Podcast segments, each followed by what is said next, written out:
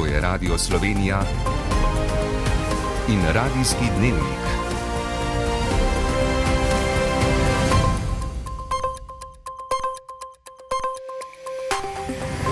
Ura je 18 in 30 minut.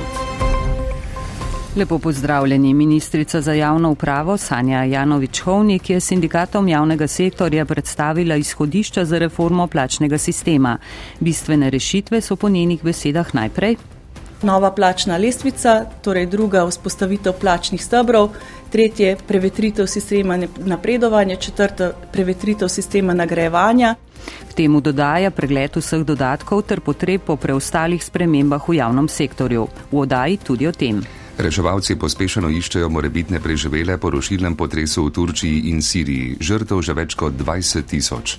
Ukrajinski predsednik Zelenski na vrhu v Bruslju pozval k hitrejšim dobavam orožja. Zunani ministrstvo bo zaradi objave podmladka avstrijskih svobodnjakov s protislovensko vsebino na pogovor poklicalo veleposlanico Avstrije. Jutri večinoma jasno. Z vami sva Bernard Stramič in Biljana Polak. Ministrica za javno upravo Sanja Janovič-Hovnik je 45 sindikatom javnega sektorja, kot rečeno, predstavila izhodišča za reformo plač v javnem sektorju. Vlada predlaga urejanje plačnih razmerij znotraj stebrov za posamezne dejavnosti, plačna lestvica bo enotna, razmerje med najnižjo in najvišjo plačo pa ena proti sedem. Pogajanja s sindikati bodo potekala od 20. februarja naprej vsak ponedeljek. Podrobno je Nataša Mulec.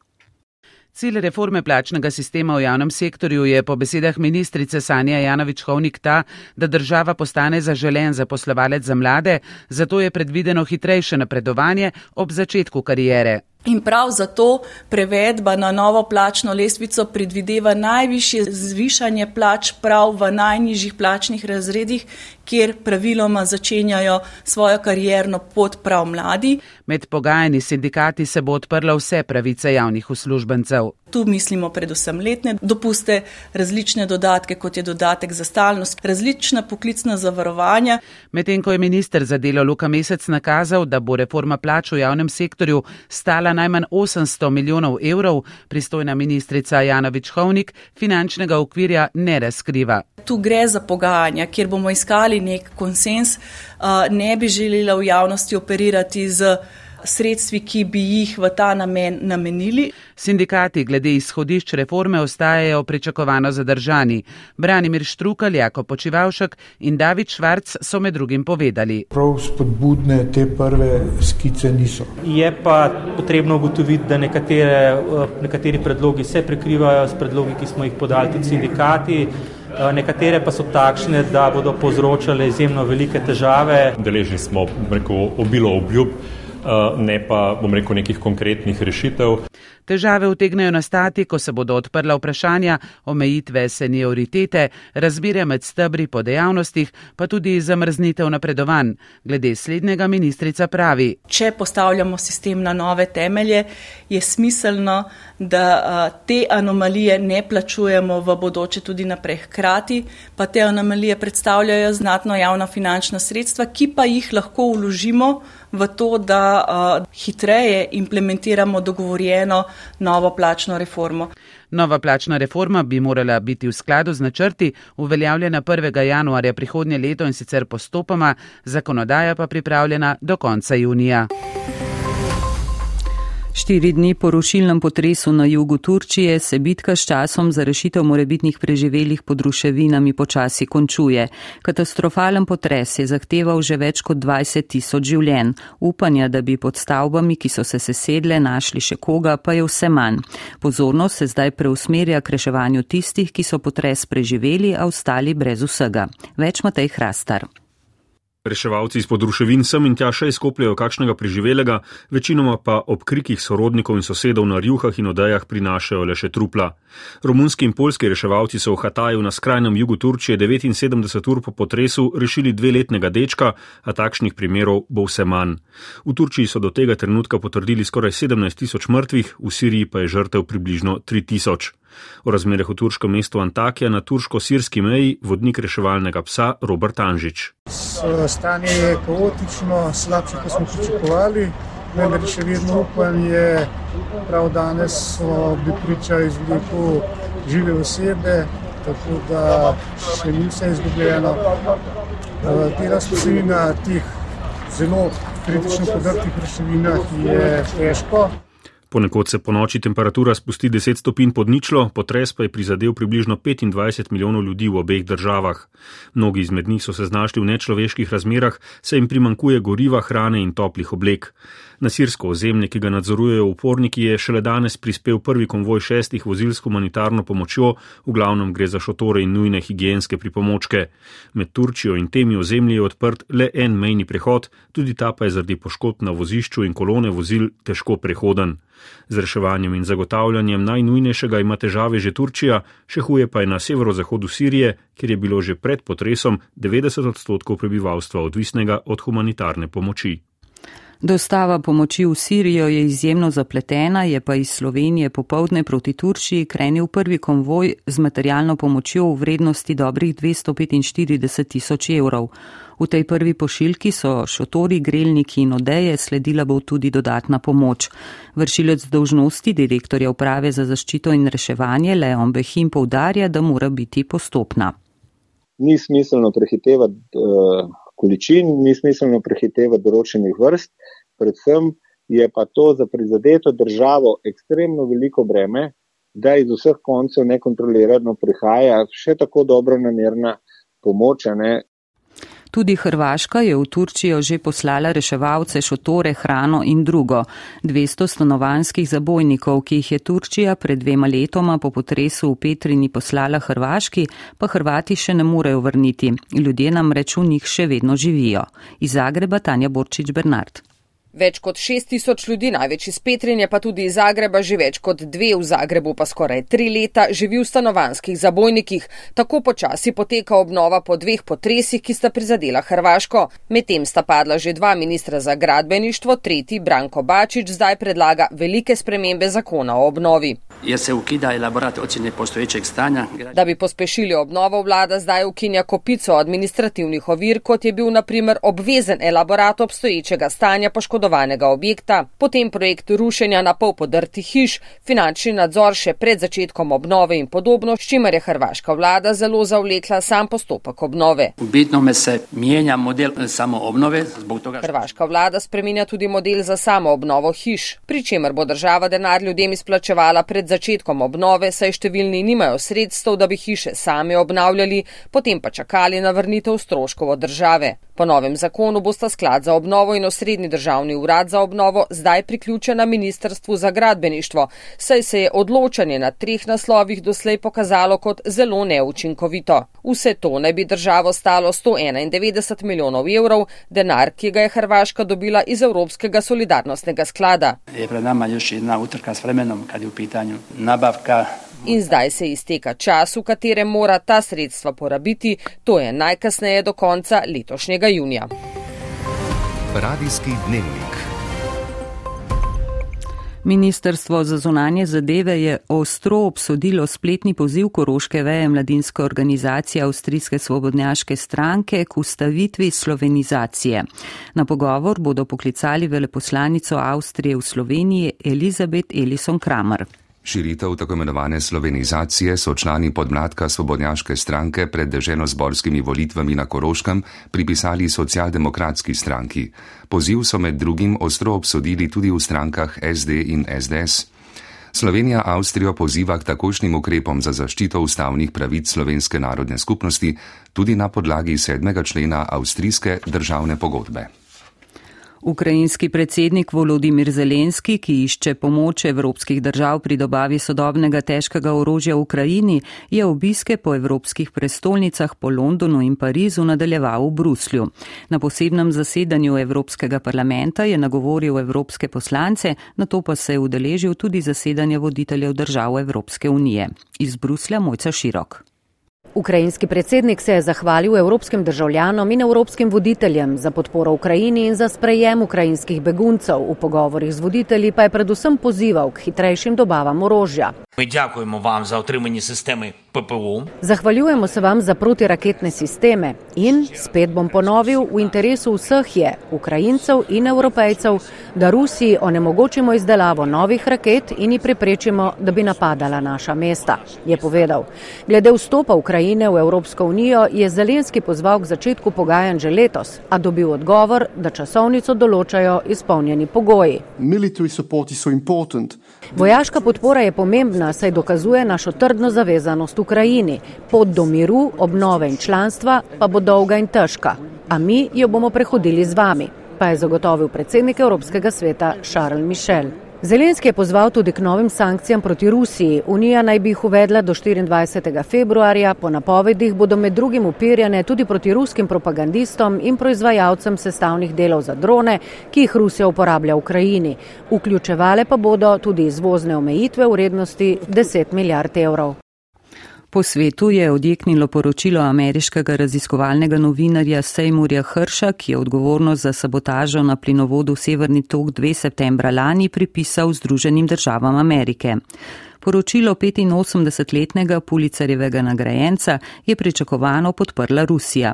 Medtem, ko v Kremlju pozivajo k mednarodni preiskavi, v Beli hiši svojo upletenost v uničenje balskega plinovoda odločno zanikajo. Iz Washingtona Andrej Stopar. Zgodba Seymourja Hrša, objavljena na platformi substack.com, se odlično bere. Hrš povezuje odločno nasprotovanje vplivnih ameriških politikov iz obeh strank, zlasti pa predstavnikov Bidenove administracije in Joea Bidena samega, severnemu toku, ki je Nemčiji in Zahodnji Evropi dostavljal poceni ruski plin. Predsednik Biden naj bi konec decembra 2021 ukazal sestaviti operativno skupino, ki naj bi našla rešitev. If, uh, if invades, uh, če bo Rusija vdrla v Ukrajino, če bodo torej tanki in čete spet prekoračili ukrajinsko mejo, severnega toka 2 ne bo več, uničili ga bomo. Tako je govoril Joe Biden 7. februarja 2022. Po pisanju Seymourja Hersha so ameriški mornariški potapljači, gojenci vojaške potapljaške šole v Panama Cityju na Floridi, šlo naj bi za notrni projekt CIA in mornarice, zato z njim ni bilo treba seznanjati kongresa in širiti vednosti o obstoju projekta, med rednimi vojaškimi vajami NATO Baltop 22 junija lani na plinovodne cevi na dnu blizu danskega otoka Bornholm potaknili eksploziv. S posebnim sonarjem, odvrženim z letala, naj bi ga sprožili tri mesece kasneje. Predsednik Biden je septembra lani ameriško upletenost zanikal, krivdo pa pripisal Rusiji. Državni sekretar Anthony Blinken pa je to eksplozijo plinovoda izjavil. Gre pa tudi za izjemno priložnost, da se enkrat za vse znebimo odvisnosti od ruske energije in odvzamemo možnost Vladimirju Putinu, da energente uporablja kot orožje za uresničevanje svojih imperialnih ambicij. To je zelo pomembno. V Kremlju pozivajo k preiskavi, se pravijo, da so podrobno preučili poročilo Seymourja Hrša. A tudi Putinov predstavnik Dmitrij Peskov meni, da veliko Hrševih trditev zahteva preverjanja in potrditev.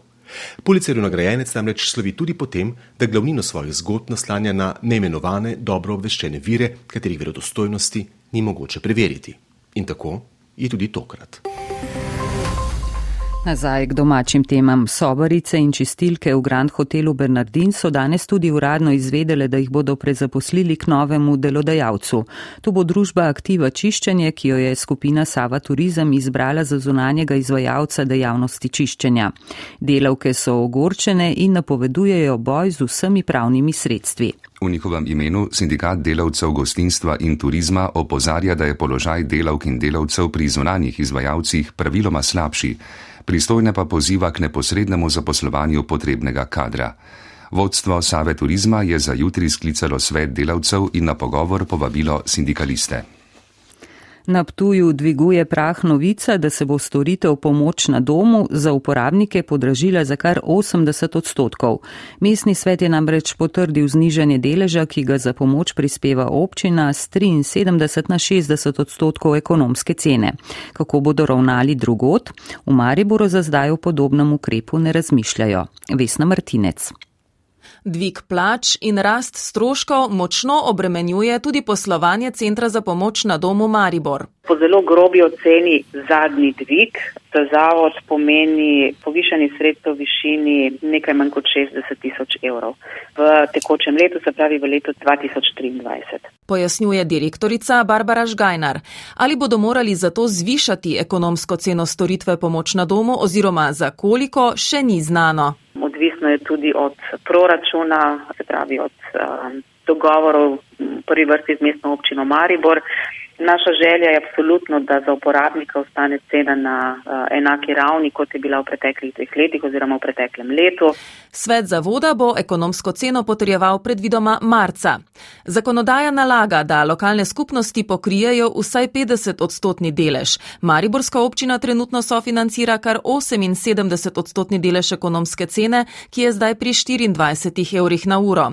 Tako uporabnik za uro pomoči odšteje 5,31 evra nedeljah 7,44, ob prazničnih dneh pa 7,97 evra.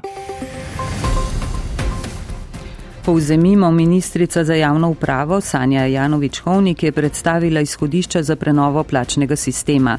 Cili prenove so zagotoviti ustrezno in stimulativno plačilo za delo, povečanje učinkovitosti posameznih delov javnega sektorja ter kakovostne in dostopne javne storitve.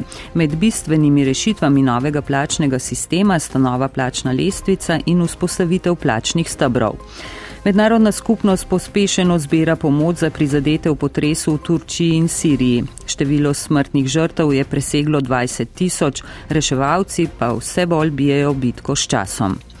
Sledi šport in Klemen Verlič. Prijeten večer želim.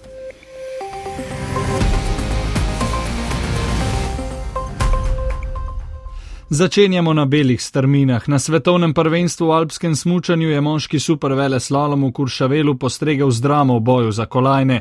V četveroboju je do svojega prvega naslova svetovnega prvaka prišel kanačan James Crawford, ki je le za stotinko ugnal norvežana Aleksandra Omota Kildeja. Bronasto kolajno je osvojil francos Alexis Pinturo, brez kolajne pa ostal najboljši smučar svetovnega pokala in vodilni v supervele slalomskem seštevku švicar Marko Odermat. Izmed štirih slovenskih Slovencev je bil najboljši najmlajši, Rokanžoh je zasedel 25. mesto. Jaz sem računal, da bojo fanti pred mano usmučali dobro, da jih bom jaz lovil, tokrat pač eh, ravno kontra, malo drugačko pa na treningu. No. Ko sem prišel v cilj, sploh nisem vedel, da je dobro ali je slabo, ampak pač neka solidna vožnja, nekaj je bilo napak vmes, tako da na koncu sem pa z izidom čist zadovoljen. Miha Hrobat je bil 28, nec naraločnik pa 31. Martin Čatar je po napaki odstopil in ostal brez uvrstitve. Jutri v Franciji ni tekem, smokače čakal Kuršavelu drugi uradni trening smuka, smučarke pa v Meribelu zadnji trening pred sobotno smukaško preizkušnjo. Po svetovnem prvenstvu na polskem in švedskem se nadaljuje rokometna liga prvakov. V tem večeru so v celski skupini na sporedu štiri tekme, do konca skupinskega dela pa le štirje krogi. Celjani ob zahtevnem sporedu ob 20 in 45 minut gostujejo pri francoskem Nantu, tretje uvrščeni zasedbi skupine. Slovenski prvaki so v prvi tekmi nadaljevanja državnega prvenstva premagali Krko, pred nadaljevanjem evropske sezone iz Nanta trener celja Alem Toskič. Danes eh, vse so ekipe, to, kar se vse začne, če hoče zmagati neko tekmo, to je, to je sigurno faza, faza branjenja obramba. To je najbolj pomembno v tem trenutku. Enostavno bo poudarek na tej tekmi obramba, sigurno, ampak enostavno moramo pogledati isto, da ne smemo delati preveč tehničnih napak, kar se tiče napada, zato ko je nam taka ekipa, ko vse kaznuje v protivnapadu na drugi strani. Tako da bo sigurno, da bo zelo pomembno in ena in druga, ena in druga stvar v tem trenutku. Slovenski hokejisti so že začeli s prvo tekmo pripravljalnega turnirja v Bolcanu, kjer se merijo z domačo izbrano vrsto Italije. Po prvi tretjini je bil izid nič proti nič. Slovenska ženska košarkarska reprezentanca pa je ob 18. proti Albaniji začela s tekmo kvalifikacij za Evropsko prvenstvo, na katerega so slovenke kot gostiteljice že uvrščene. Na prvi tekmi v Albaniji so bile slovenke boljše za kar 99 točk. Slovenski odbojkari so prejeli vabilo za prvi nastop na prestižnem memorialu Huberta Wagnerja, ki ga bo avgusta gostil Krakov. Na njem se bo pomerila s Polsko, Italijo in Francijo. Žreb Mednarodne teniške zveze je določil, da se bo Slovenija septembra doma v svetovni skupini dve Davisovega pokala pomerila z Luksemburgom. Nogometni klub Maribor je danes naznanil svojo prvo okrepitev v zimskem prestopnem roku, iz domžalja v tabor državnih prvakov prestopil napadalec Arnel Jakupovič. Hokejisti Olimpije pa so z napadalcem Miho Zajcem sodelovanje podaljšali še do konca naslednje sezone. Darko Jorgič je zmago začel na mizno-teniški turnir v Jordaniji, v prvem krogu je s 3 proti 1 premagal Hrvata Tomislava Pucarja. To je bil radijski dnevnik. Urednica Urška Ivanovič, voditeljica Bilena Polak, napovedovalec Bernard Stramič, tonski mojster Rok Kokošinek.